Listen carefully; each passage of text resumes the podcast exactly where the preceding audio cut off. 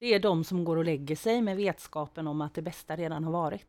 Och de som går och lägger sig med vetskapen att morgondagen kommer bli så mycket bättre än idag. Och jag tror att det är alldeles för många i Europa som går och lägger sig med vetskapen att det bästa redan har varit. In what will go down in history Most certainly I am convinced. They gave Britain confidence in herself once again. Det är bara käbbel. The safest course is to believe in the moral government of the world. And therefore... Welcome to the boardroom. Hej Fredrik! Ja men tjena tjena Anna, hur mår du då? Eh, jag mår bra, trots det här regniga och kalla vädret i Växjö mitt i maj. Senast vi satt här i studion så var det ju så varmt så att det kändes som att vi sände i en lekstuga ungefär. Men du eh, kör ju stolt på med shorts ändå. Exakt, någon måste ju representera sommaren lite känner jag. Eh, sen är ju en viktig grej att nämna kanske att eh, man har ju precis fått gå igenom en helt fantastiskt rolig Pridefestival i Växjö Just som det. har varit en supersuccé. Så vi får börja och tacka alla som var på paraden. Och för de som inte var där, kan du berätta lite Fredrik, vad gjorde UF Växjö på den här paraden? UF Växjö var ju de eh, snyggaste, sexigaste personerna i paraden som eh, dansade bäst och eh, ja, vi syntes väl en hel del tyckte jag. Sen försökte vi heja på så många människor vi kunde och eh, försöka samla ihop våra medlemmar och allting så eh, det var en jättesuccé tyckte jag. Vad var dina bästa dance moves? Mina bästa dance moves, jag har bara en dance move eh, och den är inte bäst så det finns ingenting bra i någon av mina dance moves. Men eh, det, Du det är dansade i perfekt. vilket fall? Ja, jag dansade och många fick ju skratta. Så uh, jag kände att jag kunde bjuda lite på mig själv. Och apropå maj och Pride så har vi ju en annan rolig grej som väntar sig där utöver. EU-valet! Så vem är det vi ska intervjua här idag då? Ja, idag ska vi intervjua Åsa Karlsson Björkmarker som är en EU-kandidat nu till EU-valet för Socialdemokraterna. Eh, och hon är ju här ifrån Växjö och suttit som kommunalråd i Växjö. Eh, skitrolig, stark, trevlig, skojig kvinna som vi har fått förmånen att sitta här och snacka med i studion i några timmar. Men på tal om eh, Åsa och EU-val, vad tänker du på när du hör ordet EU-val?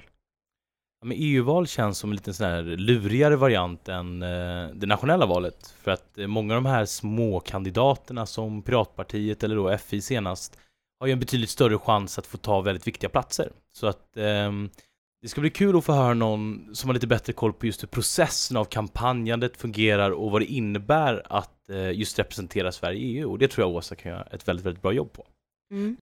Vad har du för eh, funderingar över eh, EU-valet då, Hanna?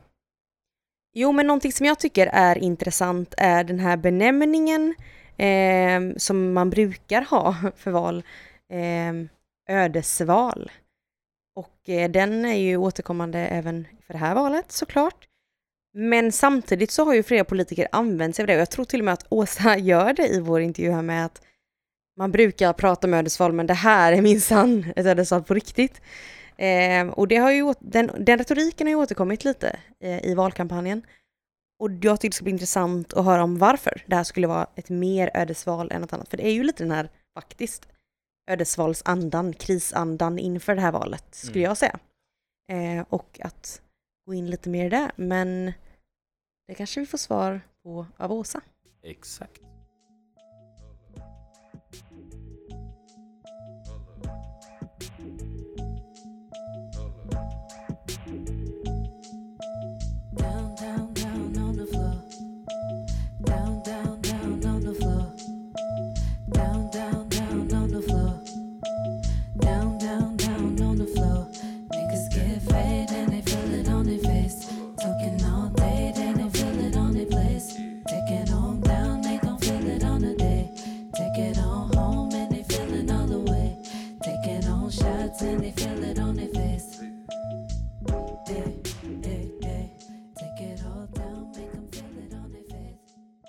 Välkommen till studion Åsa Karlsson Björkmarker. Vem är du? Ja, du anar inte hur ofta jag ställer den frågan till mig själv. Vem är jag egentligen?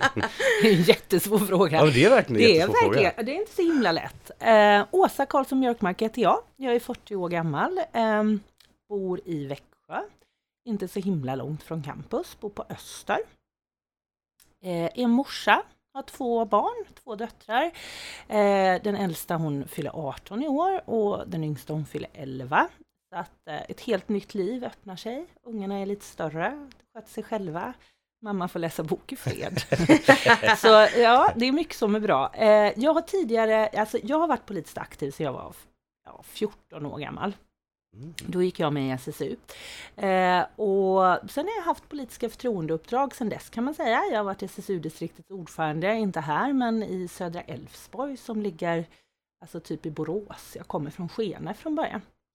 Eh, och lyckades liksom snubbla till Växjö mest på ett bananskal. Kom in på universitetet. Mhm. Ja, tänkte att jag stannar väl ett halvår. Sen flyttade jag tillbaka till Göteborg. Eh, det gjorde jag inte, utan nu har jag, det här halvåret har ju varit nästan 20 år då för mig. Så det är ett väldigt långt halvår. Jag känner att vi kan fastna där också rätt lätt. Ja, nej, men det är ju en väldigt trevlig Mm. stad och det säger jag inte bara för att jag är en väldigt dedikerad Växjöbo, men jag har ju också varit kommunalråd här i Växjö Just det. och varit förtroendevald politiker och socialdemokrat i nästan tio år på heltid. Så jag älskar ju den här stan på ett sätt som är svårt att förklara för någon annan tror jag. Mm. Mm. Så du har pluggat här på vårt campus alltså? Jajamän, Mm. och jag har bott där nere i det röda huset som jag Okej. ser härifrån. Jajamän. Okej. Eh, jag pluggade socialt arbete Mm. eh, som sen blev socionomprogrammet. Eh, så. Jag tänker vi kommer komma in väldigt mycket nu på um, EU-valet och politik generellt så jag tänkte Mm. innan vi hoppar in på uh, det seriösa ska vi ställa en liten rolig fråga. Vad har du för uh, roliga hobbys eller intressen när du inte håller på med politik? Alltså då önskar man ju att man kunde säga jag är så wild and crazy och eh, hoppa bungee jump och så. Det gör inte jag. Jag är jättebra på att lösa korsord. Ganska Det är underskattat Det faktiskt. är underskattat, jag älskar att lösa korsord. Ehm, har nu börjat kunna läsa igen. Jag hade en period, jag fick gå hem som kommunalråd för jag blev sjuk. Mm. Eh, jag blev utbränd, stressad, hittade inte till mina barns skola och sådär. Mm. Så nu har jag börjat kunna läsa igen och det är ju liksom helt vad underbart. Det har liksom varit nästan ett år där jag har tyckt att Åh gud, det är liksom svårt att hålla fokus men nu Mm. mår jag bättre. Så att läsa, lösa korsord och sen så har jag liksom en sån guilty pleasure får man väl säga. Det är att jag tycker väldigt mycket om att vara ute med vår husvagn. Ja. Låter som en svensk utopi. Ja, alltså jag älskar husvagnslivet. Jag vet att det rimmar lite dåligt med klimatet men det är ändå väldigt trevligt. Bättre än att flyga i alla fall kanske. Ja, precis. Men eh, Åsa, vad är ditt politiska uppdrag idag? Idag så har jag faktiskt inget politiskt uppdrag eller förtroendeuppdrag. Jag avgick ju som kommunalråd i eh, februari förra året och sen så har jag haft eh, interna förtroendeuppdrag för Socialdemokraterna i Växjö. Eh, men så fick jag frågan om jag ville kandidera till EU-valet och till EU-parlamentet och det tackar jag ja till. Så nu står jag på Socialdemokraternas lista till EU-valet på plats nummer nio. Vad gör man när man kandiderar till ett EU-val? Åh, man kajkar runt och pratar med massor med folk. Man knackar dörr, eh, är med i debatter, diskuterar. Men alltså, mycket handlar ju om att liksom dels förklara EU, men också förklara varför det är viktigt att gå och rösta. Och skapa ett engagemang. Eh, Och det gäller ju både internt i vårt parti, så tror jag det är i alla partier. Eh, Men såklart ännu viktigare externt. Peppa valarbetare, se till att man orkar med ännu en valrörelse och att man har det goa pirret i magen som gör att man tycker det är viktigt att få folk att gå och rösta. Är det en stor skillnad att eh, kandidera för ett EU-val och Ja. ett svenskt val? Ja, det tycker jag. Dels därför att eh, folk upplever att Bryssel och EU ligger längre bort. Eh, man får andra typer utav frågor. Eh, många undrar varför då? Vad ska du dit och göra? Så. Eh, eh, men, men också att liksom jag upplever faktiskt också att det finns utrymme för en betydligt mer visionärt politiskt samtal i EU-valet än vad det fanns i riksdagsvalet och kommunvalet nu i september men också för fyra år sedan. Så ja, det är skillnad. Men eh, jag tycker att, och det dåliga med det är ju att folk tycker kanske att EU ligger långt bort om man inte är särskilt intresserad. Det bra med det är att det faktiskt ändå har lyft upp ett politiskt samtal på den svenska agendan, vilket är fantastiskt bra tycker jag. Vad tycker du är roligast med politiken då? Alltså, det är lite svårt. Alltså, vad, allt är ju väldigt roligt med politik. Alltså den första delen med politiken, eller den största delen och det som får alla att engagera sig, tror jag i alla fall, det är ju att man vill förändra världen. Jag har nästan inte träffat en enda politiskt engagerad människa som går med för att de vill bli revisorsuppleant. Liksom. Utan man, man går med för att man vill förändra världen. Mm. Eh, och så var det ju för mig också. Och sen också för att alltså, det är något väldigt fint med politiken och det, det är svårt att se ibland för alla Twitterdebatter och en del liksom politiska diskussioner som egentligen bara går ut på att någon har rätt och någon har fel. Mm. Men det finaste med politiken är väl kanske det politiska samtalet. Det resonerande samtalet där man kan våga vända och vrida på argument och också smaka lite grann på motståndarens tanke och tänka, men vänta här nu.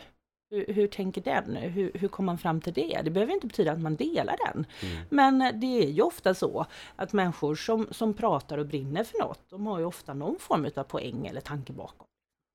Jag känner, när du säger så här, jag tänker lite på typ så här Alltså Aristoteles sitter där med sina, sina studenter och du vet man sitter och diskuterar och du vet timmar på timmar och man växer i diskussioner. Jag, jag tycker det låter helt Ja, fantastiskt. det är så vi har det i det socialdemokratiska partiet.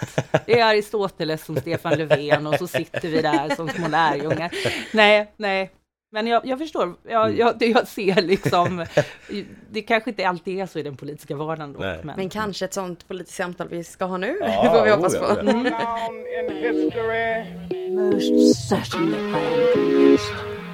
Mm. Men eh, om vi ska tänka de här politiska frågorna ur ett EU-perspektiv då. Den politiken vi kanske vanligtvis tänker på är det här, kanske du säger valen och debatterna och så vidare. Men vad skiljer eh, den svenska politiken, den nationella politiken, från EU-politiken skulle du säga? Oj, alltså EU-politiken och den svenska politiken, det, vill säga, det går ju delvis hand i hand. Alltså det, det finns ju ett ganska det är ju inte bara regeringen som bestämmer vad Sverige tycker i EU på, på Europeiska rådet till exempel. Och Europeiska rådet är ju när alla våra, eh, våra inte statschefer utan där alla liksom länders ledare samlas fyra gånger om året toppmöte. Det, det avgör ju regeringen tillsammans med riksdagen så att det är väldigt väl avvägt liksom vad den svenska positionen är i EU. Men sen, jag brukar ställa jag pratar ju om EU väldigt mycket nu av förklarliga skäl. Det är ju EU-val och jag kandiderar. Men jag brukar ställa frågan liksom när jag är ute, varför tyckte du att det var viktigt att rösta i valet i september? Och så brukar folk liksom rada upp olika saker, det beror på vem man träffar. Och ganska ofta kan man ju hitta i princip samma sak när det gäller EU-valet nu. Det är nog många som känner så här att de inte riktigt har koll på vad EU är för någonting och hur det fungerar och hur det påverkar oss i vår vardag. Så en ganska naturlig fråga att inleda så här med är ju vad är EU egentligen och hur fungerar det som ett politiskt organ? Alltså EU från början bildades ju som någon form av kol och stålunion. Eh, och tanken med det var ju att man skulle kunna handla kol och stål. Eh, nu tänker vi på kol på ett helt annat sätt än vad vi gjorde då. Det kan vi nog också prata om sen.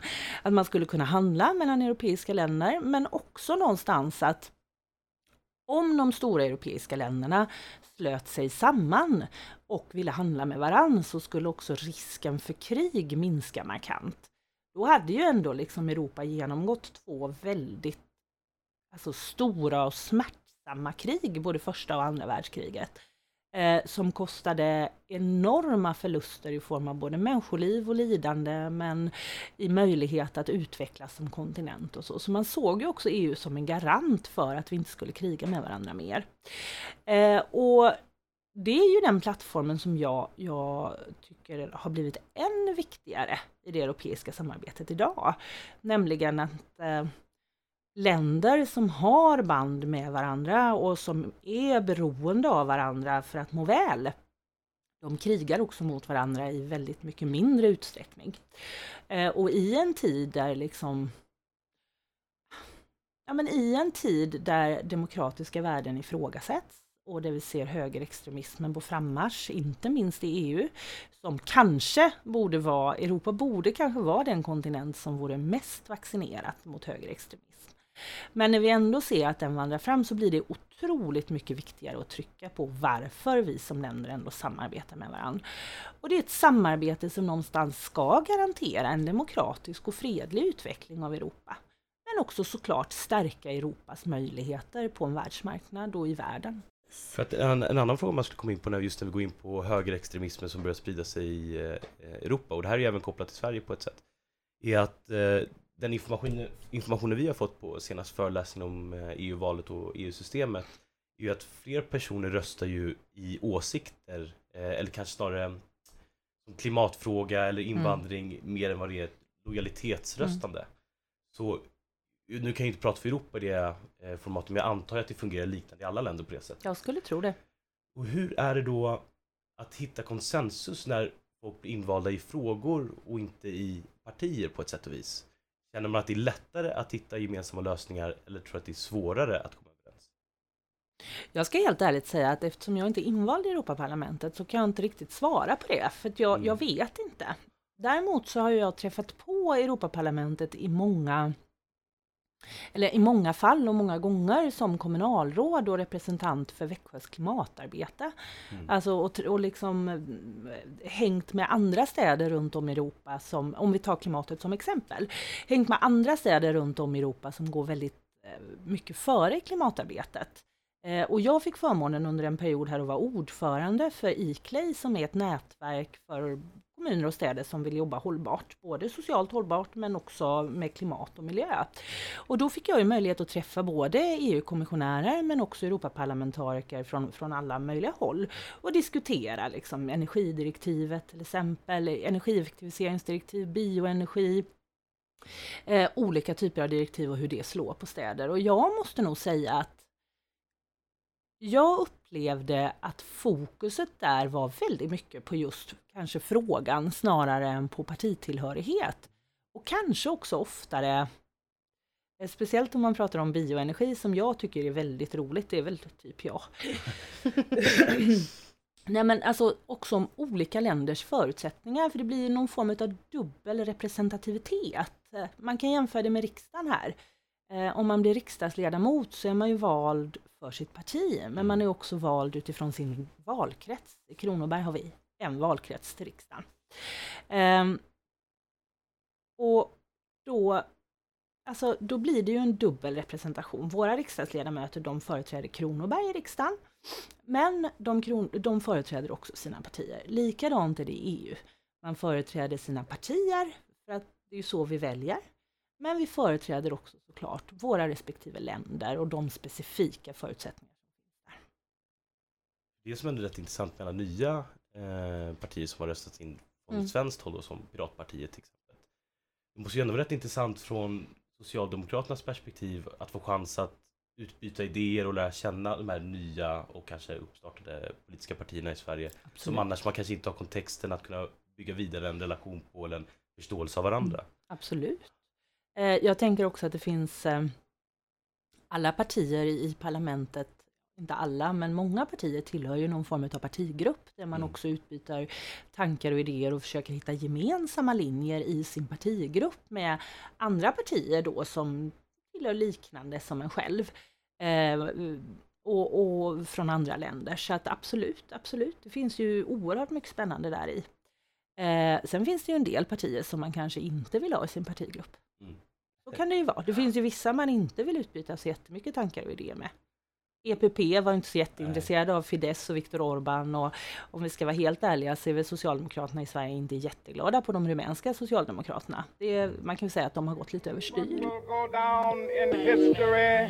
Most certainly I am convinced they gave Britain confidence in herself once again. Nu är det snart dags för oss att gå iväg och rösta och eh, eftersom många känner att man har en viss okunskap eh, inför EU-valet och vad det innebär.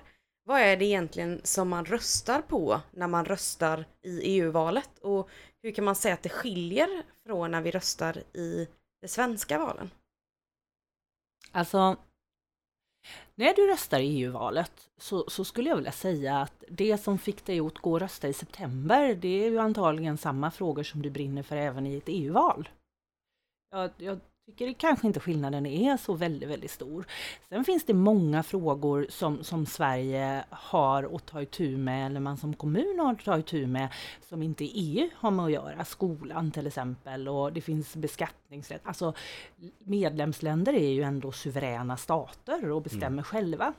Men det är klart, ska man klara klimatfrågan till exempel, då hjälper det ju inte att vi i Sverige kommer överens om något, utan då behöver vi vara fler. Där är ju EU otroligt viktigt. Dessutom är det ju så att eh, EU förhandlar som en, en enhet på alla COP-möten och klimattoppmöten och sådär. Och där är det oerhört viktigt. Tycker man att klimatfrågan är viktig, ja då ska man också rösta i EU-valet. Tycker man att det är viktigt att ha ett jobb att gå till när man bor i Kronoberg, ja då ska man också rösta i EU-valet. För att Eh, jag vet inte om ni vet det, men Kronoberg är alltså det län i Sverige som är mest exportberoende. Det vill säga att de som bor här är mest beroende av alla invånare i Sverige på att exporten fungerar. För vi har företag som exporterar till hela världen, men mycket inom EU och, och så också såklart. Eh, Så tycker man att det är viktigt, ja då ska man rösta i EU-valet. Tycker man det är viktigt att stå upp för demokrati och mänskliga rättigheter, ja då ska man också rösta i EU-valet. Men man ska ju komma ihåg det att även om Viktor Orbán inte ställer upp i, i svenska valet, för han är ju ungrare, så han får ställa upp där, eller hans parti får ställa upp i Ungern, så är det ju så att om man väljer att inte rösta, då blir ju andras röster betydligt mycket mer värda. Så är det. Så att inte rösta, det är ju också att säga att någon annan då får bestämma vad jag tycker eller hur framtiden ska se ut. Skulle du kunna säga någonting om hur arbetet ser ut i EU? För att jag tror att vi har någon så här förståelseram om hur den svenska politiken fungerar där vi har Mm. två block eh, som vi kanske inte riktigt har på samma sätt idag men vi har en svensk liksom, förståelse om politiken. Men det ser ju annorlunda ut i EU där vi har olika grupper och sådär och jag tror att många, eh, kanske speciellt unga, känner sig osäkra kring hur det här ser ut. Skulle du kunna ta en liten snabb genomgång för oss hur det politiska arbetet EU-skola del fungerar? 1, absolut. Nej men alltså, man kan väl, om man bara ska göra en snabb jämförelse, så kan man säga att det går trögare i EU att fatta ett beslut än vad det gör i Sverige. Eh, och då kan man ju tänka så här, gud vad träligt, vi tycker att det går tillräckligt långsamt i Sverige. Så det skulle man ju kunna tycka. Eh, och då är jag tråkmånsen som säger att demokrati får ta tid. Tar inte demokratin tid, ja då kan vi heller inte garantera demokratin. Så att det liksom ingår i ett demokratiskt spelsystem.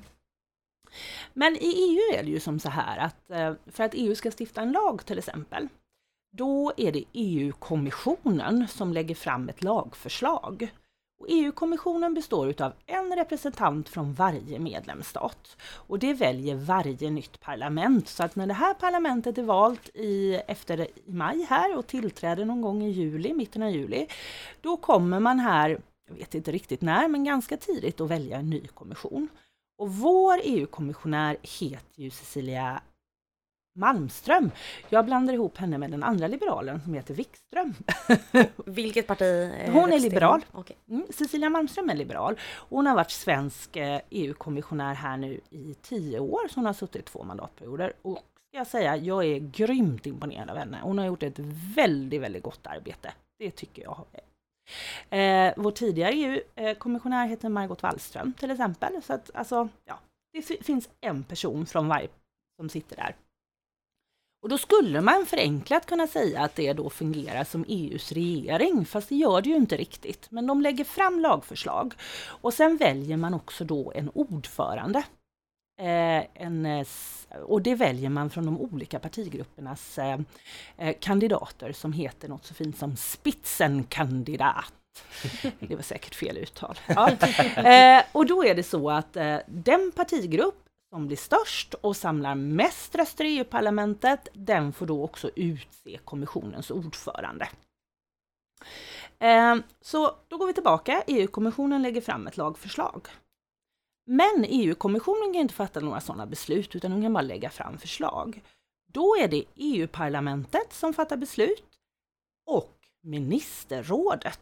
Och då är det så kruxigt så att ett lagförslag måste gå igenom i ministerrådet och det måste också gå igenom i EU-parlamentet för att antas då som EU-lag.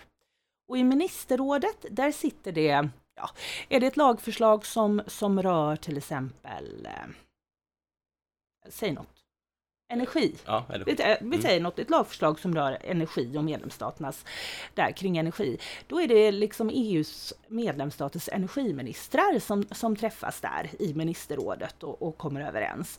Men även om ministerrådet och alla medlemsstater är överens så blir det då inte lag om inte EU-parlamentet också godkänner. Och är det så att man då kommer fram till olika ståndpunkter, ja, då får man då börja förhandla. Och väldigt många förslag förhandlas ju som ni förstår, både innan det kommer upp i ministerråd och i, i, i EU-parlamentet, men också efter de har varit uppe. Så många förslag är uppe flera gånger för behandling. Du pratade om partigrupper. Kan du Ja. berätta vad det är för någonting? Ja, det är ju som så här att ehm, är man, alltså de allra flesta partier som finns representerade i Europaparlamentet, de ingår i någon form av partigrupp. Kan man säga att det är lite grann som en paraplyorganisation för alla de partier som då har valt att söka sig dit. Eh, eh, Socialdemokraterna ingår i en partigrupp tillsammans med andra socialdemokratiska partier runt om i Europa. Där sitter också Fi från Sverige ingår i den partigruppen. Eh, och så finns det andra partier som också är med. Eh, EPP heter den största partigruppen. Där ingår bland annat Moderaterna i Sverige. Eh, och sen så finns ALDE som också är en väldigt stor partigrupp som, som då samlar mycket liberala partier runt om i, i Europa. Eh, och så finns det några partigrupper till.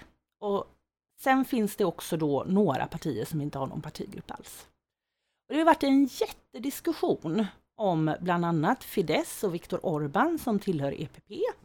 Eh, om man skulle utesluta dem eller inte ur den här partigruppen. Och um, om man, nu är det ju ändå liksom en podd här så nu, nu kan vi eh, göra detta lite mer komplicerat. För det första man tänker är ju att självklart ska man slänga ut högerextrema partier ur partigruppen. Det, det, liksom, det känns ju gött i magen. De ska inte vara med. Liksom. Men eh, till exempel Tysklands kristdemokratiska parti, de eh, som leds av Angela Merkel, de har ju liksom haft en liten annan ingång i detta och det är ju inte för att Angela Merkel är högerextrem, utan det är för att i de här paraplyorganisationerna så kan man också hålla lite koll på partierna. Det blir lite grann som en eh, självkorrigerande familj. Det man kan säga att, äh, men nu är du helt ute och cyklar här Viktor. Du får lägga ner. Vi kräver av dig att du drar tillbaka det förslaget. Och det är klart att det är mycket lättare att göra det om man tillhör en stark partigrupp än om man kastar ut honom. Nu har man valt att göra det, jag tror i och för sig att det var rätt. Eh, men nu är han ju då partigruppslös och Fidesz är partigruppslösa. Vilket då innebär att i de värsta av världar så skulle de kunna surfa på redigt populistiska vågor utan då att för den skull kunna få sina uppmaningar från partigruppens mamma och pappa som säger nu får du skärpa dig. Så att det är både bra och dåligt det där med att kasta ut partier. Det är bra därför att man vill ju att de som representeras i EUs man säga så, rediga partigrupper, för det finns också partigrupper för högerextrema partier som man kan söka sig till. Men i de rediga partigrupperna så vill man ju hålla rent från högerextremism, eh, diktatursfasoner och eh, alla ska tillbaka till 50-talets fascismen. Men eh, samtidigt så är det ju också bra om man kan hålla dem i örat. Om jag ska komma lite från ett, eh, kanske inte högerextremistiskt perspektiv, men om jag ska komma lite från kritiken som kommer från Mm. högerextremismen. Som blir lite som du nämnde med att det tar lång tid med demokrati. Ja. Att få ut ett transparent och bra beslut tar tid. Mm. Och då skulle ju många säga, men hur kan man ta så lång tid när frågorna och problemen vi har är så akuta? Skulle många kanske säga då. Mm. Att eh, allt från den här massiva invandringsvågen som kommer, eller flyktingvågen som kommer, till att vi börjar se Norrland börja brinna upp, till att vi börjar se mer jordbävningar i Neapel, till att vi börjar se IT som börjar sprida sig på ett sätt som är helt Mm. oregel. Det finns ju det är inte reglerat på något sätt. Mm. Man ser att man kan påverka folks val. Folk kommer ju säga, men hur kan det här ta tid? Det här behöver ju en lösning idag. Och det är ju helt rätt. Men bara för att det tar tid att få igenom en lagstiftning i Europaparlamentet eller i Europa så behöver ju inte det betyda att medlemsstaterna inte kan agera. Det, det är ju inte så att man säger bara för att Europa inte har en lagstiftning kring detta så får medlemsstaterna inte agera. Tvärtom är det så att när man väl har en EU-lagstiftning på plats, då gäller den över den enskilda nationalstatens lagstiftning om de krockar med varandra. Så därför måste man anpassa det. Men det finns ju ingenting som hindrar att någon tar ett eget initiativ om det då inte strider mot grundlagen. Fast det finns inget som heter så, vi kallar det för EUs fördrag istället. Men om man nu ska veta vad det är så är det kanske mer som en grundlag. Men sen ska man också komma ihåg en sak, att eh, eh, Europeiska rådet, alltså liksom ledarna för europeiska staterna eller medlemsstaterna som träffas, de kommer ju överens om väldigt många saker. Eh, till exempel har man ju kommit överens om gällande migration att man ska ta emot solidariskt utefter alla medlemsstater. Alla medlemsstater ska bidra. Men då handlar det ju också om att le- man lever upp till de beslut som är fattade. Och det väljer man ju att inte göra från vissa håll. Eh, särskilt då från, från de stater som då leds av högerextrema partier. Som, nu har vi pratat om Ungern många gånger, men också Polen kan vi kasta in där. Intressant. Jag kan tänka mig att många av våra lyssnare är studenter och eh, vi har ju pratat om det här eh, som du sa nu att besluten kan ta lång tid. Eh, och då tänker jag att skulle du kunna ge några konkreta exempel på saker som har beslutats genom EU som på vår, påverkar våra liv liksom i våran konkreta vardag när vi som studenter ska skaffa en bostad eller när vi skriver en tenta eller när vi tar en öl på studentpuben eller vad det nu kan vara. Mm. Den, alltså, den absolut största delen som, alltså, nej det kan man väl inte säga, men eh, en viktig del som student är ju att eh, vi har fri rörlighet mellan Europas medlemsstater, eller EUs medlemsstater. Jag menar, EU är ju inte Europa, Europa är ju större än EU, men jag säger det till podden nu, att när jag säger Europa och inte säger något annat menar jag EU idag. Eh, det är ju att man faktiskt kan plugga vad man vill i EU, att man har öppna gränser, att man har en fri rörlighet. Det har ju påverkat studenter väldigt positivt runt om i hela EU. Eh, men när man sitter på puben och, och tar sin öl eller dricker sin kaffe eller vad det nu kan vara, då EU påverkar väldigt mycket hur vår mat ser ut. Eh, då menar jag inte hur den ser ut tydligt på tallriken, men alltså vad som får ingå, vilka ämnen man får ha och eh, hur ölen måste, eh, vilka innehåll ölen måste ha för att kunna kallas öl till exempel. Det tillförsäk- EU är med och har tillförsäkrat att de livsmedel vi har är av god kvalitet och inte, icke, alltså inte giftiga. Det kan ju vara som så här när man går upp på morgonen, att man eh, häller upp ett glas vatten. Då är det EUs lagstiftning kring vattendirektiv som talar om liksom, hur ska det här vattnet eh, hanteras? Hur ska kommunen göra för att det ska vara hälsosamt? Alltså vad behöver man uppnå för att kunna kalla det för dricksvatten? Eh, det kan vara du tar på dig, du går till garderoben, öppnar, tar på dig en tröja. Då är det ju antagligen EUs handel som har eh, tillförsäkrat att den här tröjan har hamnat från där den är tillverkad till affären, från affären in till din garderob. Eh, det finns också ett regelverk kring vilka kemikalier du får använda när man säljer vissa saker till EU. Eh, till exempel kläder, det, så att du inte får allergi av dina kläder till exempel. Eh, ja, alltså ganska mycket kan man säga att EU påverkar. Jag tänker EUs kemikalielagstiftning är ju oerhört viktigt om du stiger in i duschen. Det gör ju många. Man duschar, man tvättar håret. Då är det EUs kemikalielagstiftning som också talar om vad får det vara för gifter eller vad får det vara för kemikalier i det här schampot som du har valt att köpa och ställa i din dusch. Så EU påverkar din vardag precis hela tiden. Intressant. Då är det ju någonting som är väldigt närvarande i våra liv. Det kan man säga. Samtidigt som det är någonting vi ändå känner en distans till. Mm. För att det som jag tror blir mest tydligt med i just EUs roll är när man nog inte är med i EU. Mm. Eh, som man kanske ser nu med Brexit och, och England. Jag var ju nyligen i, i Liverpool Mm. och det, jag skulle inte ta i och säga att det är nästan panik eh, Mm. bland folket jag träffade i alla fall. Som beskriver helheten av att vara med i EU var så mycket större än vad de insåg. Mm. Allting från den sociala kontexten till hur det fungerar till kulturella aspekter, till ekonomiska aspekter.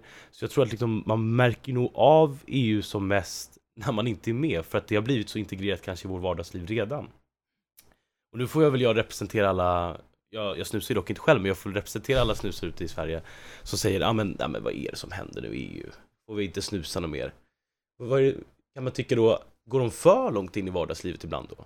Borde man få rätt att snusa i Sverige med Men marknad man, på det? alltså, alltså, ryktet om snusets stöd är ju betydligt överdrivet. jag ser folk som snusar hela tiden. Ja. Nej men så är det ju att man som medlemsstat kan ju också begära undantag från de här reglerna om det är det du tänker på. Mm. Till exempel när det gäller snus, när det gäller surströmming, när det gäller andra saker som är väldigt då, alltså som är det kan man ju säga att även om vi har en stark värdegemenskap europeiska länder emellan och en ekonomisk gemenskap och en handelsgemenskap så är ju också våra länder väldigt olika. Och då kan man då begära undantag från de här reglerna. Det har ju vi gjort i Sverige, bland annat vad gäller snuset, bland annat vad gäller surströmmingen, men så är det något ämne där ändå som är förbjudet tror jag. Jag har inte riktigt koll på det. Eh, Men sen är det också, ja, framför, alltså det mest tydliga i Sverige är ju Systembolaget. Mm. Där vi har begärt att nej, vi vill inte sälja eh, sprit eller alkohol eller öl eller vin eh, i vanliga mataffärer och det, det säger ju EU att det, det ska ses som vilken vara som helst. Mm. Men där har ju vi fått ett undantag och det ska vi fortsätta ha därför att det inverkar positivt för folkhälsan. Eh, så att man kan begära undantag till det som är viktigt. Så är det. Jag tror att det här är en extremt viktig punkt att ta upp. För jag Mm. tror kanske inte, jag, jag själv hade inte så bra koll på det alla fall, hur mycket, jag vet inte om man ska säga veto, men hur mycket rättigheter man har att behålla kulturella aspekter som kanske inte är så normativa i EUs Mm. modell.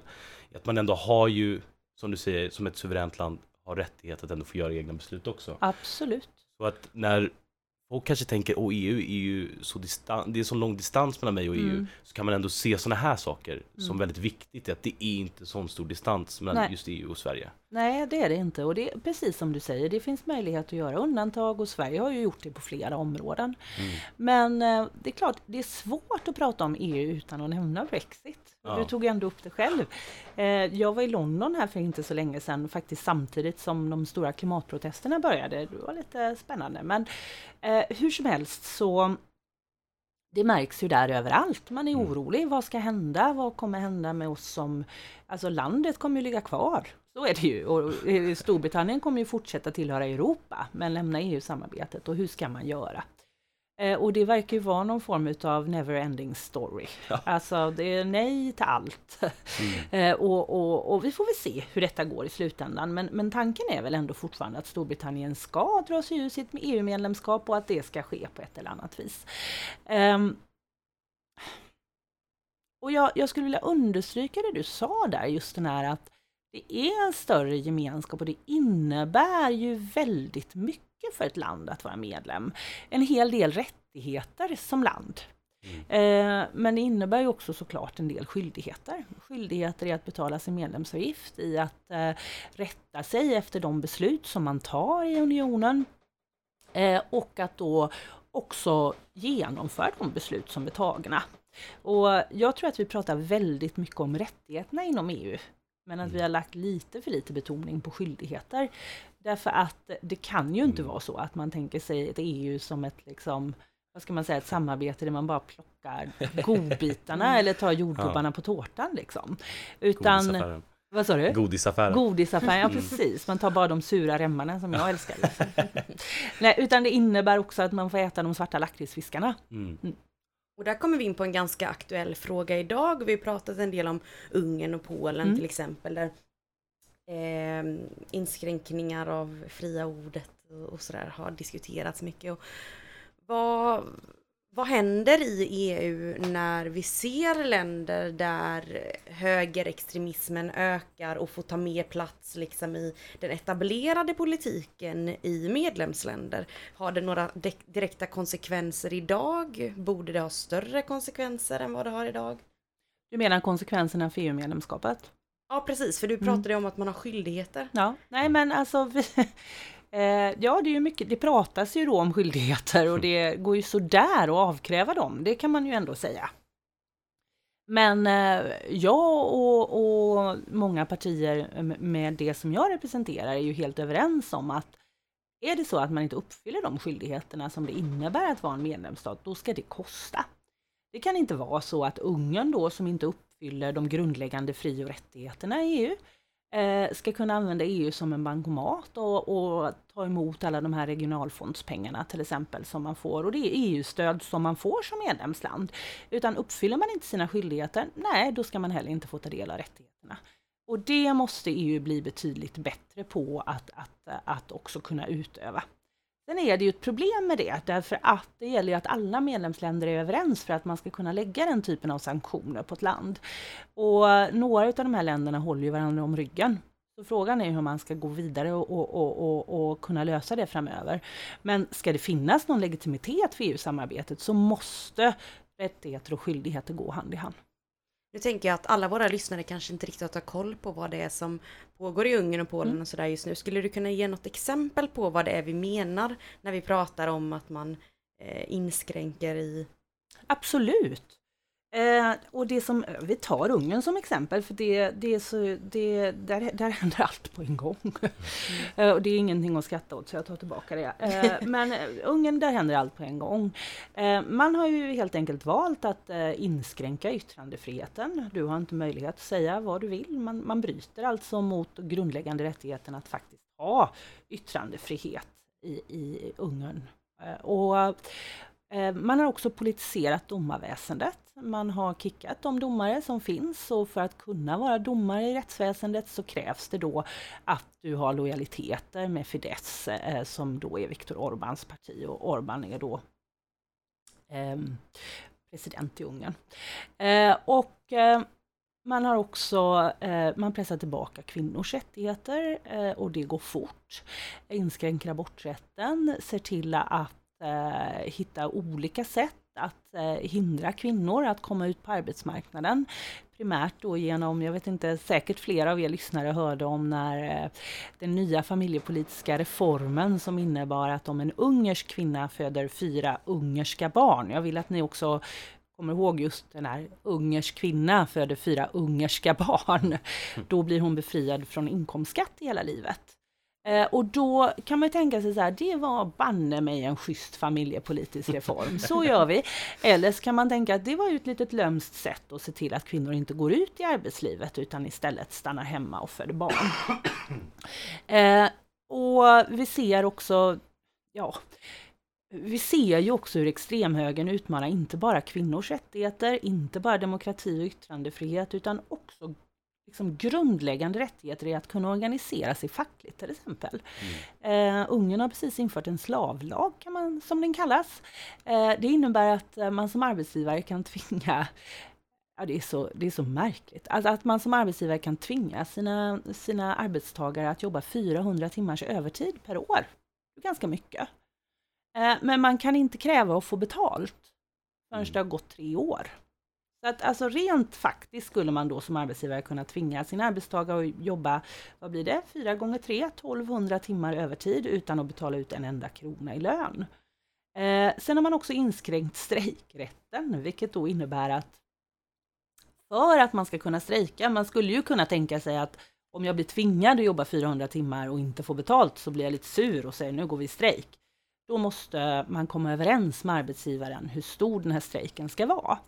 Eh, och då kan man ju tänka sig att man har lite olika intressen. Det kan ju vara så Ja. att arbetsgivaren då säger absolut, ni kan strejka. Vi tar eh, ja, Alexander och Henrik här borta som ändå är sjukskrivna, de kan sättas ut i strejk så får ni andra jobba. Men då kan man ändå ta det till domstol. Och då kommer vi tillbaka till det. Vem är det som bestämmer i domstolen? Just det. Ja, så det var en kort exposé över vad som har hänt i Ungern. Och jag ska också säga att det har gått väldigt, väldigt fort. Och då i den exposén så har jag inte ens nämnt den rasism som frodas, den liksom den viljan att stänga in Ungern som frodas väldigt, väldigt tydligt och den liksom attityd man har haft till flyktingar som har kommit dit. Man vägrar ju dessutom att ta emot någon då i enlighet med de eh, överenskommelser som man har gjort medlemsländerna emellan. Lite så här intressant fakta på just eh, den delen. Jag pluggade ju då religion innan. Ja, Och eh, då har de ju den här WWE-undersökningen. Där man ser vad folk har för olika religioner, vad folk har för åsikter om religioner och sådär. Mm. Och Ungern var faktiskt mest eh, chockerande på den här listan. För att i Ungern så trodde man att man hade 8-10% muslimer i sitt land. Men Mm. egentligen hade man 0,3%. Så att det säger ju lite också hur, jag tror ju, ju inte jag är expert på det, men jag vet ju att det finns en hel del mediebolag också som kanske inte heller fungerar på det mest transparenta sättet. Att de även har det här hela kugghjulet Ja, bakom gud, ja. sig Ja. så snabbt. Så är det så lätt att bara Man har ju politiserat hela medieapparaten också. Mm. Och universiteten. Och universiteten, ja, en sån sak. Man förbjudit jämställdhetsstudier till exempel.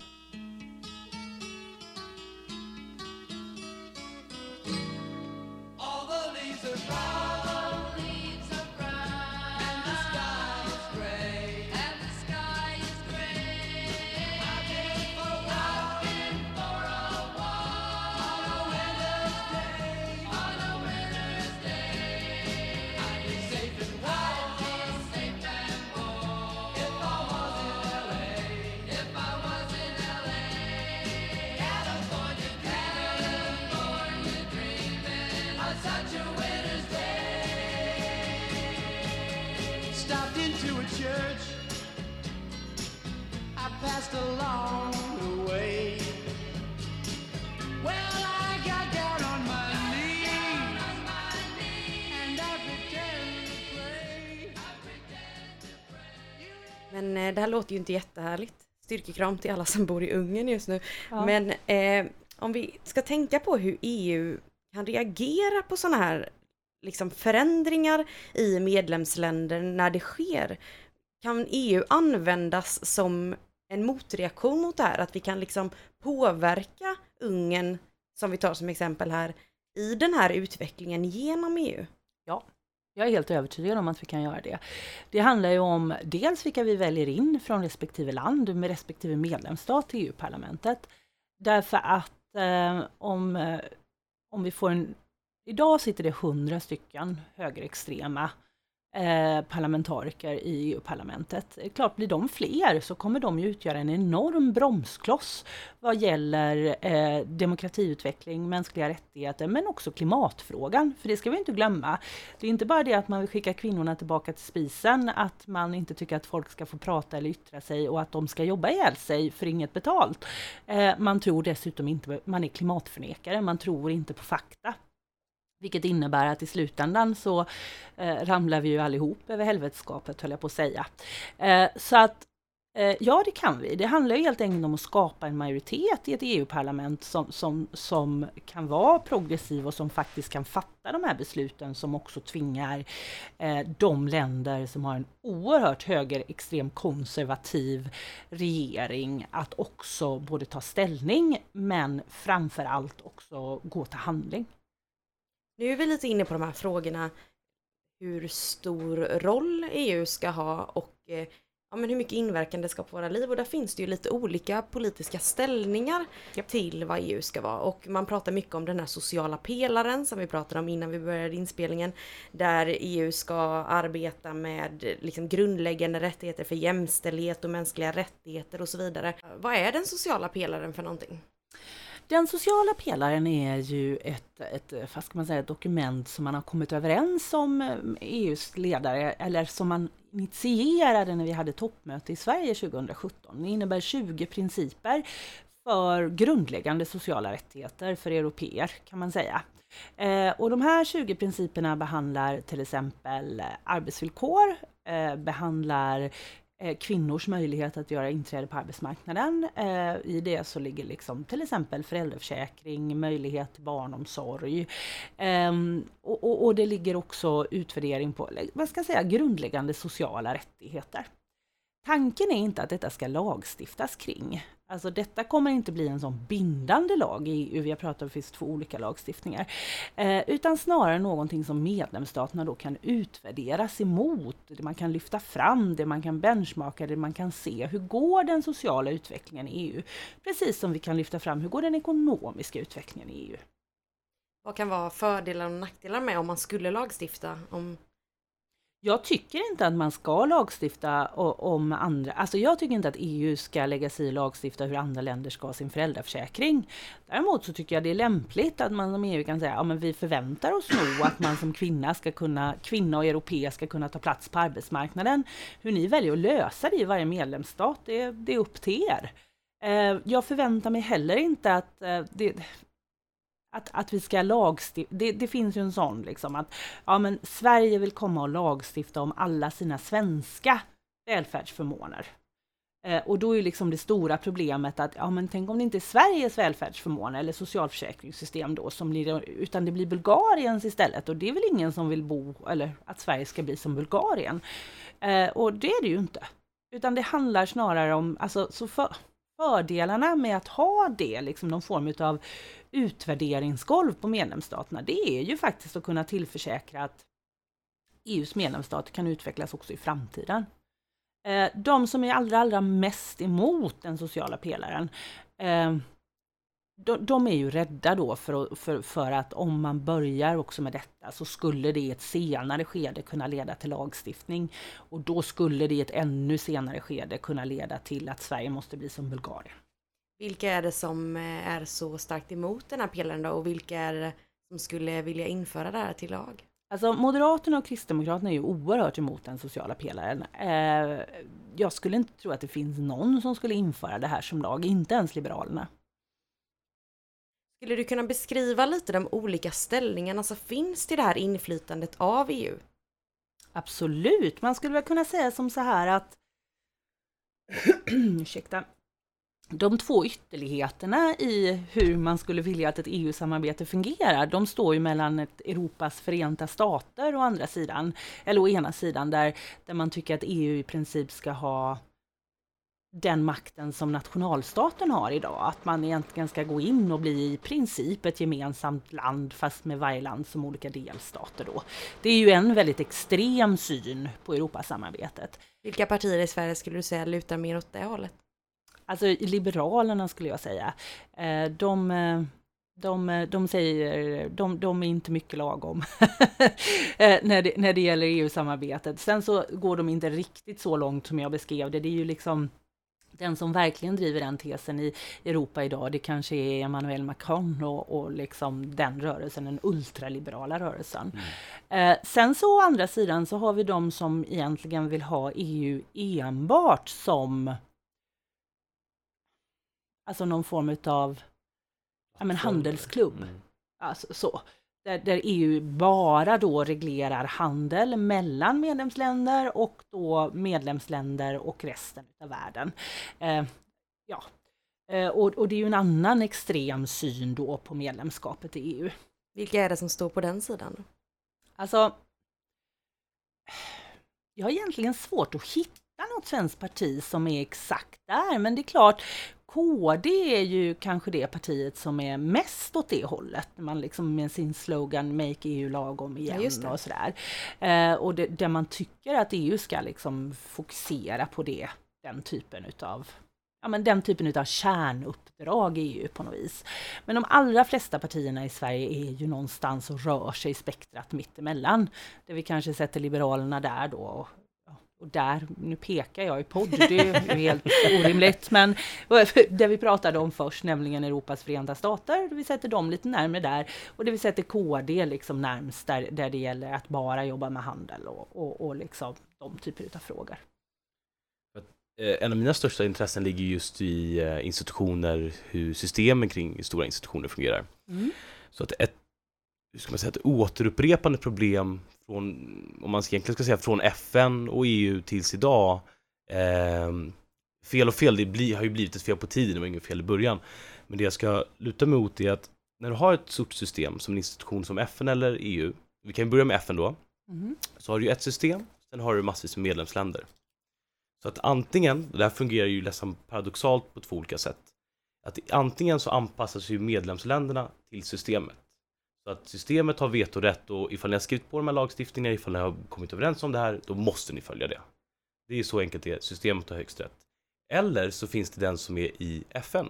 Och då kan det ju vara så att det viktigaste i FN är ju the sovereignty of one state.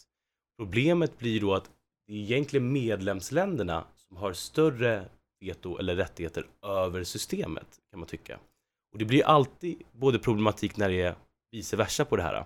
Mm. Att antingen så har medlemsländerna för mycket makt eller att de har för lite makt. Det kommer ju problem med båda. Men om man just tar EU i det sättet, för det EU är ju väldigt annorlunda än FN på det sättet skulle jag säga, är att medlemsländerna och jag vill se ifall du håller med mig eller inte, men att medlemsländerna kanske har lite mindre makt gentemot eh, systemet. Så att man måste anpassa sig lite mer till vad EUs lagstiftningar är Och det finns inte så mycket prat emellan utan man får följa det man har skrivit under i princip. Eller skulle du själv hålla med om det eller skulle du säga att Ja, om man jämför EU och FN så är det ju absolut så. Eh, EU har ju eh, bindande fördrag eh, som i princip då, vi pratade om det innan, som i princip då utgör grundlagen för EUs samarbete. De fördragen har ju förändrats och utvecklats under åren från att ha varit ett fördrag som i princip bara reglerar handel till att blivit ett fördrag som idag reglerar betydligt mer medlemsstaterna emellan. Så, så absolut så är det. Sen har man ju två delar i EU också, just det du nämner att dels måste medlemsstaterna faktiskt vara överens för att vi ska hitta en lagstiftning eller för att vi ska anta en lagstiftning. Men parlamentet måste också vara liksom rösta för och parlamentet det är ju folkvalda parlamentariker som man väljer på politisk övertygelse. Så där kan man ju komma fram till helt olika ståndpunkter. Det, så är det ju. Det är ju inte så att liksom Europas, eller vad ska jag säga, Sveriges EU-parlamentariker alltid allihopa röstar som svenska regeringen vill. Mm. Eh, Så är det ju naturligtvis inte, för då hade vi ju inte haft parlamentariker från olika partier. Så, så det kan jag hålla med om. Eh, sen så ska man ju komma ihåg att EU har två typer utav lagstiftning, eller ja, flera olika, tre kanske man kan säga. Man har liksom grundlagstiftningen i fördragen och sen har man en annan typ utav lagstiftning som är bindande. Eh, det måste alla medlemsländer följa. Och sen har man en annan typ utav, ja, jag vet inte ja, en lagstiftning som mer är en rekommendation. Och den lagstiftningen som mer är en rekommendation kanske är att jämställa med de typ utav eh, eh, överenskommelser som, som länder då sluter under FN-paraplyet. Därför FN har ju väldigt få rättsliga sanktioner för att kunna se till att det man kommer överens om är bindande. Ta Agenda 2030 som exempel. Liksom, man är överens om att detta ska man göra, men om det är ett land som ser till att inte göra det så har man ju liksom inga eh, rättsliga apparat att ta till. Däremot finns det internationell lagstiftning då som man kan använda mot ja, till exempel eh, om man tittar på målet eh, arbetsvillkor, schyssta arbetsvillkor till exempel, eller jämlika arbetsvillkor heter det väl. Eh, då kan man ju använda internationell lagstiftning mot liksom, de värsta ofogen. Den finns ju ändå. Men det finns ju ingen lagstiftning kopplad till Agenda 2030. Men om man skulle säga att EU hade veto, eh, inte liknande för FN, lite, lite EU-anpassat, Men EU har ju veto också. ja, på ett annat sätt tänker jag då. Ja, mm. Eh, så att vi säger Jag ska vara tyst och lyssna. Mm. Så jag tänker då inom klimatfrågor till exempel. Så alla länder inom EU, och egentligen behöver man ju specificera ännu mer som Östersjön och till exempel olika sjöar eller alltså Mhm. skogsområden till slut. Men att alla bindande avtal vi har skrivit på fungerar som en resultatkarta.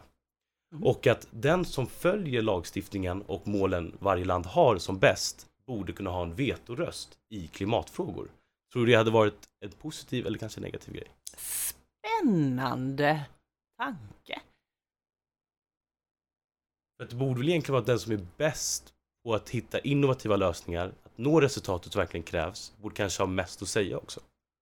Ja, men jo, jo alltså rent, rent hypotetiskt Mm, skulle man ju kunna tänka så. Mm. Men det är klart, då drar man också undan själva liksom fundamentet till ett, om vi nu tar EU som exempel, till ett EU-samarbete. Mm. Därför det ska också vara demokratiskt.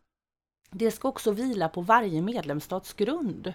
Och där tror jag att ditt resonemang inte riktigt håller, för hur ska då legitimiteten för ett demokratiskt samarbete se ut? När rika länder som faktiskt har betydligt bättre möjlighet att då kanske vara bäst i klassen vad, vad gäller att klara sina utsläpp. Jag menar för att för Sverige att klara EUs utsläppsminskningar, det är inte något jätte, jättestort problem. Men det är betydligt tuffare för Bulgarien till exempel. Och då är det ändå som så att Bulgarien släpper ju ut betydligt mindre utsläpp per capita eller per person än vad vi gör i Sverige. Och är det verkligen då så att bara för att vi är rika länder så ska vi sätta oss på våra höga hästar och peka finger och säga nu gör ni som vi tycker.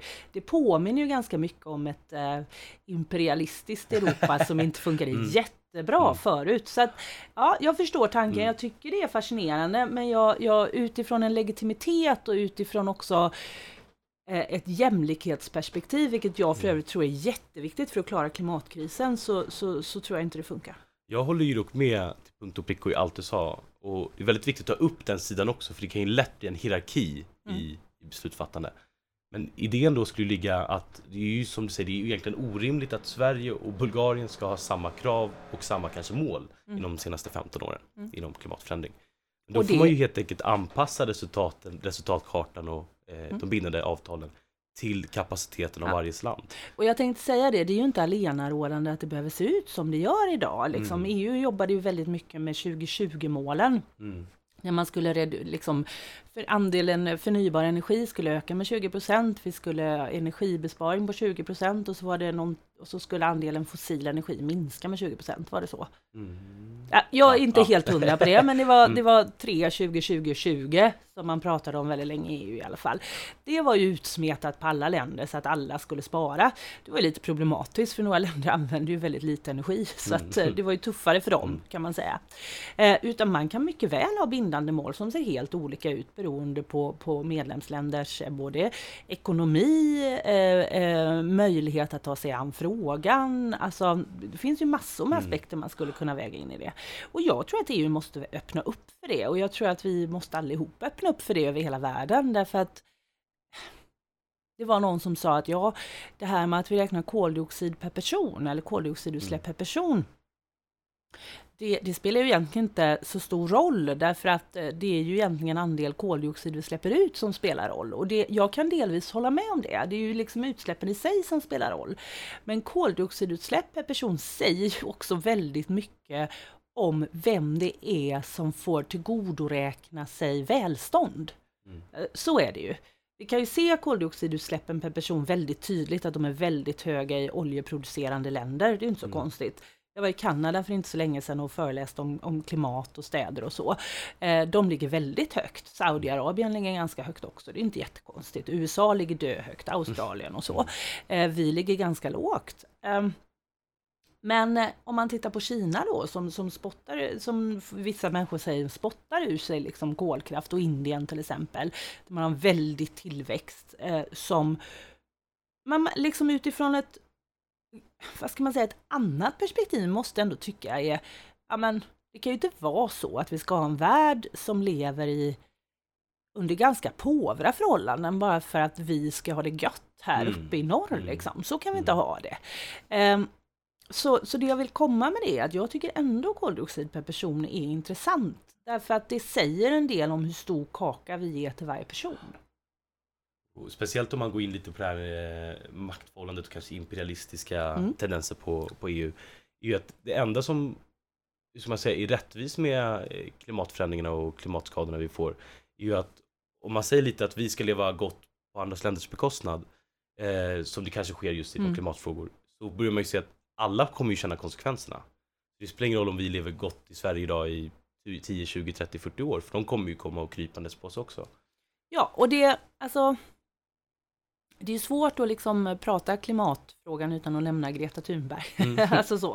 Eh, Eller, eh, och den rörelse som är väldigt stark runt om i hela världen just nu. Och, och det var väl på tiden och jättebra. Eh, och jag tycker hon är fantastisk. Och, och hon pratar väldigt mycket om begreppet climate justice, alltså klimaträttvisa. Eh, och det, det du beskriver, det är ju just den typen av klimaträttvisa som vi har sett under väldigt många år. Att alltså, eh, hon brukar säga the luxury of the few. Eh, Mm. liksom Mm. lyxen för, för de få, det får de många betala. Det ser vi till exempel i Mosambik. Det är det väl det min, mest liksom nya exemplet. 900 000 föräldralösa barn, jättelångt bort, enorma konsekvenser utav, utav klimatförändringar.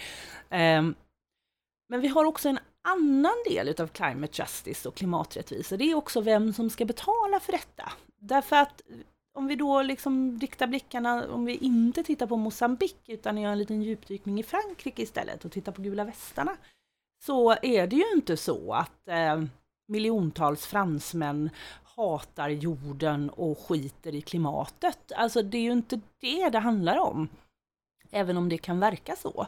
Utan det handlar ju helt enkelt om att tryggheten för vanligt folk har urholkats på det viset. Eh, så att man känner att man inte är lyssnad på. Och det där är ju inte explicit för Frankrike, det har vi ju över hela Europa. Mm. Det är ju det som på något sätt också gör att det är det som ger den ultimata näringen till högerextremismen också som sprider ut sig överallt. Vi har bara pratat om högerextremism i, i öst, Östeuropa, men vi, vi ser ju de partierna överallt. Vi har dem i Sverige, vi har dem i Italien, i Frankrike är de överallt, i Brasilien, Österrike. Colombia, ja, ja, men liksom, alltså Ja. det är ju överallt. Va? Eh, och, och därför är det så oerhört viktigt att jämlikhet, nämligen att liksom europeiska medborgare har både ordning och reda på arbetsmarknaden, att man känner att man har en trygghet i, i sitt liv eh, på ett eller annat vis. Det måste gå hand i hand med klimatfrågan. För klarar inte vi det så kommer vi inte ha tid att ställa om. Och det tycker jag vi ofta missar i klimatdebatten, för vi pratar ofta om de det synd, alltså, vi pratar ofta om konsekvenserna om klimat, av klimatförändringarna. Men vi ser också konsekvenserna i vem som ska betala för omställningen i Europa idag. Det var någon som sa det att jag tror det var Johanna Frändén som är journalist på Expressen som skrev om just gällande gula västarna. Är det så att hur ska, vi kunna, hur ska vi kunna säga till den europeiska arbetarklassen att det är de som måste ta ansvar för framtida generationers eh, välmående och överlevnad när den urbana medelklassen åker på weekendresor som att det inte fanns någon morgondag? Bara lite snabbt där, skulle du kunna förklara kort vad, vad är gula västarna för någonting? Absolut. Gula västarna, det är, eh, ja, alltså det är en väldigt brokig grupp i Frankrike. Det började i höstas med att en kvinna som eh, bodde på landsbygden i Frankrike skrev på sociala medier en petition. På två veckor så hade 200 000 skrivit under. En månad senare var de 800 000. 17 november tror jag det var, så tågade man på Paris gator, upplopp. Eh, eh, många som, som, alltså det var, var ganska våldsamma upplopp. Och gnistan som fick det här explodera och det hela det, det började med, det var just reaktionen på höjda bensin och dieselpriser i Frankrike. Eh, och, och då var ju liksom den första tanken att, men herregud, så här kan vi inte ha det. Eh, fossila bränslen måste ju vara i mark. Alltså det finns ju väldigt många miljörättfärdiga argument att tycka att så kan man ju inte tänka. Men då ska man komma ihåg att Macron, eh, som vi har nämnt tidigare idag, eh, han har ju fattat många beslut i Frankrike, men parallellt med att höja bensin och dieselskatten så valde man att avskaffa värnskatten för de rika, den franska motsvarigheten till värnskatten. Man valde att göra stora skattesänkningar för stora företag. Man valde att avskaffa bostadssubventioner för de som behövde det för, för, för att kunna, kunna bo då primärt i Frankrikes städer. Och allt detta sammantaget gjorde att klyftan mellan stad och land i Frankrike ökade något alldeles brutalt. Därför att den rika urbana medelklassen, de fick väldigt mycket mer i, i plånboken. Eh, och den bilberoende arbetarklassen på landsbygden hade inte råd att ta bilen till jobbet. Så, kortfattat.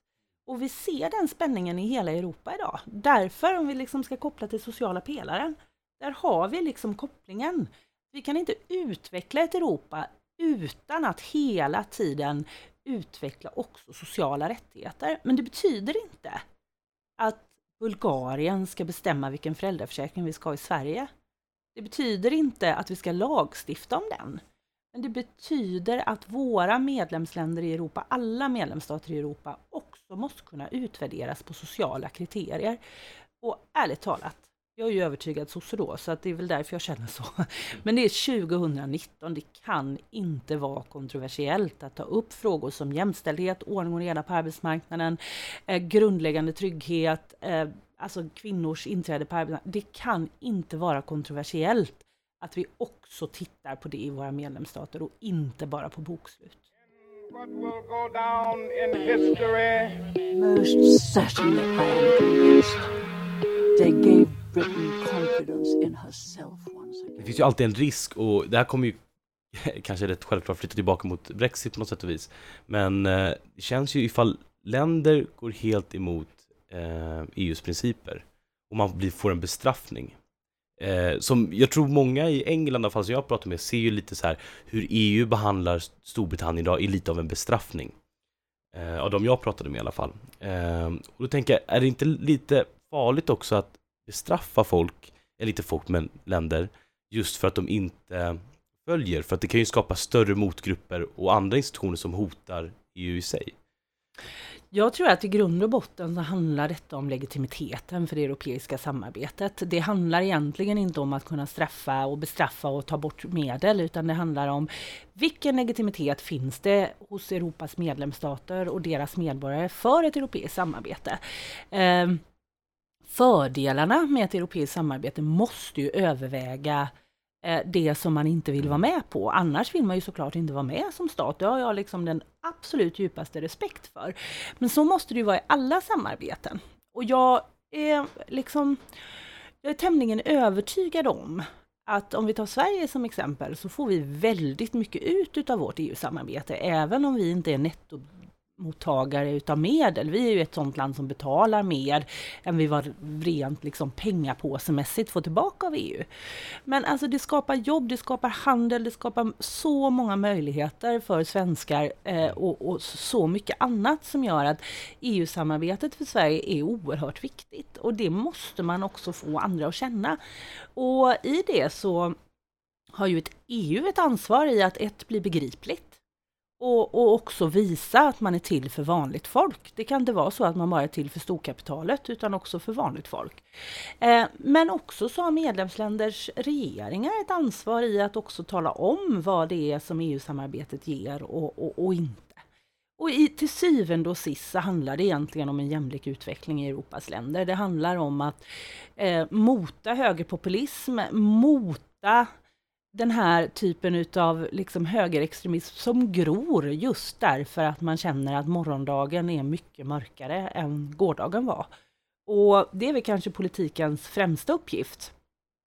Att faktiskt se till att skapa hopp för morgondagen. Eh, det, och det var någon som sa det, och att eh, den största orättvisan och ojämlikheten i Sverige idag, jag tycker man kan applicera det på Europa, det är de som går och lägger sig med vetskapen om att det bästa redan har varit. Och de som går och lägger sig med vetskapen att morgondagen kommer bli så mycket bättre än idag. Eh, och jag tror att det är alldeles för många i Europa som går och lägger sig med vetskapen att det bästa redan har varit. Eh, Jag vill ju eh, lägga lite mer tyngd på det igen. Precis som du nämnde med det här med att Sverige har ju eh, undantagsmöjligheter i Mm, mm. vad vi vill så tycker jag här är ännu en sån här punkt som är oer, oer, oerhört viktigt att verkligen ta åt sig. I att när man pratar om eh, EU eller FN, vilken stor institution som helst, så, så tycker jag att det är sånt stort fokus på den här bestraffningsdelen. Genom att, ja ah, okej, men om du inte följer det här är konsekvenserna. Men jag gillar ju det du tar fram det här med, tänk på vad belöningen är. Mm, mm. Tänk på vad belöningen är i att gå med. För jag tror, för att som vi kommer vinkla lite sen till eh, alla eh, röstare som kommer kunna Mm. rösta nu i valet, är att många vet nog varför EU är bra. De Mm. vet nog varför EU kan göra bra för sitt land. De kanske inte förstår varför ett EU-val är viktigt. Mm. Och ett EU-val är det som säkerställer och leder oss i våra belöningar, om man säger så. Det är det Mm. Som skapar bättre förutsättningar i vilka belöningar vi vill ha i Sverige, av systemet och runt om i Europa i vårt samarbete.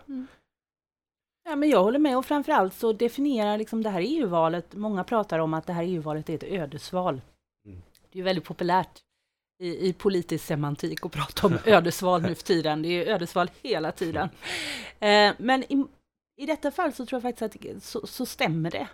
Därför att är det så att vi kommer att ha ett EU-parlament som, som består utav väldigt många bakåtsträvande konservativa extremister, skulle jag vilja säga, då kommer vi ha en bromskloss som hindrar oss att ta itu med de frågor som ligger framför oss. Och då kan man tycka, jo men den bromsklossen den hittar vi inte i Sverige, eller den hittar vi Jag tycker att jag hittar den i Sverige, men det är ju för att jag är sosse, så jag ska vara Mm. tydlig med det. Men, men det är liksom, det, självklart är det inte lika tydligt. Men om du inte röstar i EU-valet nu, så kommer ju andras röster räknas mer. För så är det, alla har en röst. Väljer du att inte rösta, då ger du bort den rösten. Eh, till ingenting. Och, så att det är viktigt. Ska vi kunna utveckla EU, ska vi kunna ta itu med klimatkrisen, ja då behöver vi ha färre högerextremister i parlamentet. Det är inte svårare än så. Därför är det viktigt. Vilket Europa vill du ha? Vilken morgondag vill du ha? Eh, vilken morgondag vill du att dina barn och barnbarn ska ha? Vilka är dina kärnvärden? Vad är det som gör att du tycker det är, är motiverande att, att liksom ta upp kampen på morgonen, vad det nu kan vara? Vad är det som får dig att tycka att det liksom är spännande att ta dig an en dag. Det är också det som avgör hur du ska rösta i EU-valet. Och att du ska rösta, ju tänker jag, nu pratar jag i en studentpodd här, det måste vara helt självklart. Mm. För att få rösta, kommer med det här gamla liksom, exemplet, men det är faktiskt inte en självklarhet. Det finns väldigt många människor runt om utanför Europa som inte får rösta. Det finns ganska många människor i Europa idag som inte upplever att de är fria att rösta på det de vill. Då är det faktiskt inget annat än en eh, nagel i ögat på dem att inte nyttja sin rösträtt. Gå och rösta, annars får ni spö. ja, det är kanske så man ska Det kanske, lägga fram så valet. kanske man inte kan säga, men eh, ja, faktiskt skärp er, gå och rösta. Ja, men det håller vi med om. Men vi har pratat om belöningar nu Mm. och liksom möjligheter som Sverige får av EU och att de möjligheterna kanske inte syns så konkret i våra liv för att det kanske handlar om preventiva möjligheter som eh, hindrar saker som skulle kosta väldigt mycket eller eh, som vi skulle förlora väldigt mycket på. Ehm, och saker som är lite abstrakt och luddigt för oss som är vår belöning. Och det kan man ju tänka att det kan skapa en distans till EU och EUs arbete för oss, liksom, eller för den lilla människan om man säger så, för det blir ytterligare ett steg över liksom, den svenska politiken. Det blir något liksom överstatligt på något sätt. Alltså, hur kan vi liksom möta den här distansen som folk känner till EU? Tror du att det är därför man känner distans och vad kan vi göra åt den känslan av distans? Alltså jag är ju själv, alltså, jag har ju sagt innan att jag, och, eller jag var ju kommunalråd tidigare. Och är man kommunalråd så tycker man mycket om att bestämma. Man tycker mycket om att fatta beslut. Även om jag satt i opposition så tyckte jag att det var väldigt roligt att bestämma och få fatta beslut. Eh, och har man varit kommunpolitiskt aktiv så vet man att beslut fattas bäst ju närmre människor man kan komma. Så är det. Eh, det, och, och det handlar verkligen om att se till att, att eh, alla beslut som kan decentraliseras också centraliseras. Eller nej, tvärtom. Alla beslut som kan decentraliseras också decentraliseras och läggs på en så nära nivå som möjligt till, till medborgare. Det handlar helt enkelt om demokrati. Det handlar om möjligheten att kunna ställa beslutsfattare till svars. Och det handlar också om att faktiskt inte behöva ställa till svars utan kunna ställa en enkel fråga på ICA. Det, det är vad det handlar om. Därför så ska EU inte besluta om saker som man inte måste besluta om. Men ska alla, alltså jag tänker en sån sak är ju till exempel om vi tittar på konkurrens. Alltså vi har, de allra, allra flesta företag i Sverige och Europa vill ju göra rätt för sig. Det är liksom själva grunden för att vi har en välfärd i Sverige. Det är ju att vi har företag som anställer folk och så vill alla göra rätt för sig och så betalar man skatt och så kan man anställa en sjuksköterska och en lärare och så kan man gå i skolan och så kan man eh, bryta benet och bli frisk. Liksom. Det, det är som ett evigt hjul. Ehm, och ska vi kunna ha det på det viset att, att liksom företag som vill göra rätt för sig inte ska dras undan mattan för, eh, för att vi har höga liksom, ambitioner gällande miljö i Sverige eller vad det nu kan vara, då måste vi ha gemensamma ambitioner i hela Europa gällande detta. För att det är på så sätt som vi kommer någon vart. Eh, så därför tror jag att samarbete är alltid bättre än att vara själv. Men däremot så ska man såklart inte flytta massa beslut som tas bättre någon annanstans till Bryssel. Men sen tror jag att det finns en annan sak också. Och det är att när vi pratar om Bryssel så har vi en tendens att prata om, om liksom böjen på gurkor eller storleken på bananer. Eller nu får inte en vegoburgare kallas för hamburgare längre för att det är ingen burgare. Alltså det där är ju pyttesmå små grejer och jag, det där kanske vi överhuvudtaget inte ska hålla på med. Det är klart att en vegoburgare ska vara en burgare, vegoburgare, liksom, ja. Men alltså det blir lätt så det blir liksom en förlöjligande av de viktiga frågorna. Och, och där tror jag att vi måste bli bättre allihopa, både oss som förtroendevalda eller som liksom vill driva olika frågor, men också media. Jag tänker att vi måste också ha en schysst bevakning av EU-politiken i Sverige. Eh, och där har vi, dit har vi inte riktigt kommit och det är jädrigt synd. Så hur vi kom ifrån distansen är att vi fokuserar på de stora viktiga frågorna. Ja. Media ändrar sin rapportering. Och vi politiker skärper till oss. Innan vi knäpper av den här inspelningen om EU-valet, har du någonting avslutande som du vill uppmana våra lyssnare, Åsa? Eh, Den första uppmaningen är gå och rösta. Den andra uppmaningen är tala om för alla du träffar att de ska gå och rösta eh, och tvinga med dem till vallokalen. Eh, därför att det är en rättighet att kunna rösta eh, och i ett demokratiskt samhälle så är det faktiskt också en skyldighet. Eh, vet man inte vad man vill rösta på så fundera över vilka frågor som är viktiga för just dig och fundera över vad som känns bra i magen. Det är ofta så. Det som känns bra i magen, det, det, kanske är det du tycker. Och är det någon som säger något som låter konstigt, ja men slå upp det då, fundera över det, säg emot, starta en diskussion, starta ett samtal. Eh, och på så sätt så får du lära dig mycket, mycket mer. Men det är inte krångligare att rösta i EU-valet än det är att rösta i ett annat val. Tack så jättemycket för att du kom Åsa. Tack för att jag fick komma. What will go down in history Most certainly I am convinced. They gave Britain confidence in herself once again. Oj, oj, oj Fredrik, det var väldigt långt, intensivt och superintressant samtal och nu börjar det ju närma sig. När det här avsnittet släpps är det en vecka kvar tills det är dags för er att gå och rösta i vallokalerna. Men vad är det du tar med dig från det här samtalet som vi har haft just nu i studion med Åsa?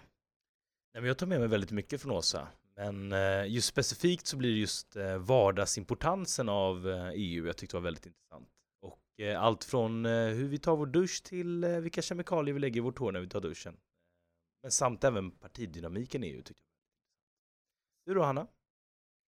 Ehm, ja, jag tänkte väl mycket på det här som vi pratade om med preventiva eh, belöningar lite här eh, på slutklämmen. Och jag tror att en ganska allmän uppfattning om EU i Sverige, oavsett partitillhörighet eller eh, vad man brukar rösta på och sådär, eh, är att man ibland kan tycka att det känns ganska ogött att veta att eh, det är väldigt, väldigt många pengar som går till EU eh, när man ser brister i sjukvården och inom skola och sådär. Ehm, och ännu mer eh, liksom confusing känns det då kanske när vi diskuterar om Ungern och hur Sverige ger så mycket och Ungern som får men samtidigt liksom eh, ja, men, strider mot många av våra grundliga värderingar om mänskliga rättigheter och demokrati och så vidare. Då tyckte jag att det var en ganska skön påminnelse om att ja, vi ger kanske ganska mycket pengar men de pengarna vi ger ger oss också preventiva eh, belöningar, eller vad man ska kalla det. Det ger oss eh, belöningar som vi kanske inte alltid ser och kan ta på, men som hade kostat en himla massa pengar om vi inte hade betalat den här summan eh, till att börja med. Det tror jag att jag kommer komma ihåg av det här samtalet med Åsa. Nej men jag håller med, det var en väldigt lärorik intervju. Och eh, nej, men jag fick ta med mig väldigt mycket av det här. Och kom ihåg nu, på söndag, vem du än är, var du än bor, var du än pluggar, gå och rösta. Rösta! Ha det gott, hej!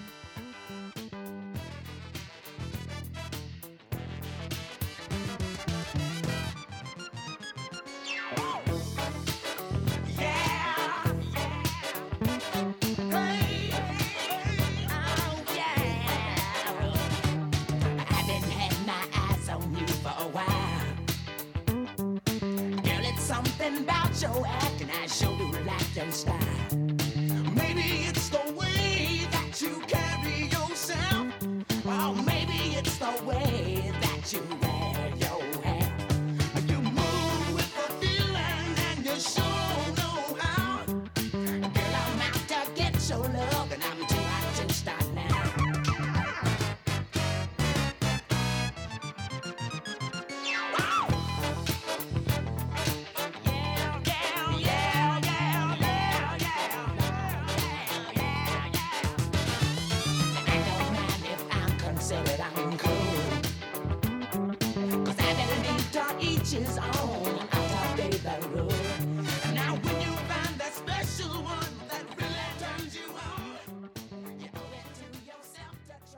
Du har lyssnat på ett poddavsnitt från Radio Lur, studentradion i Växjö. Vill du också göra radio? Gå in på radiolur.com. Dagens musik kommer från Stay Flow med Solange. California Dreamin' av The Mamas and the Papas. Och Too Hot To Stop med The Bar Keys.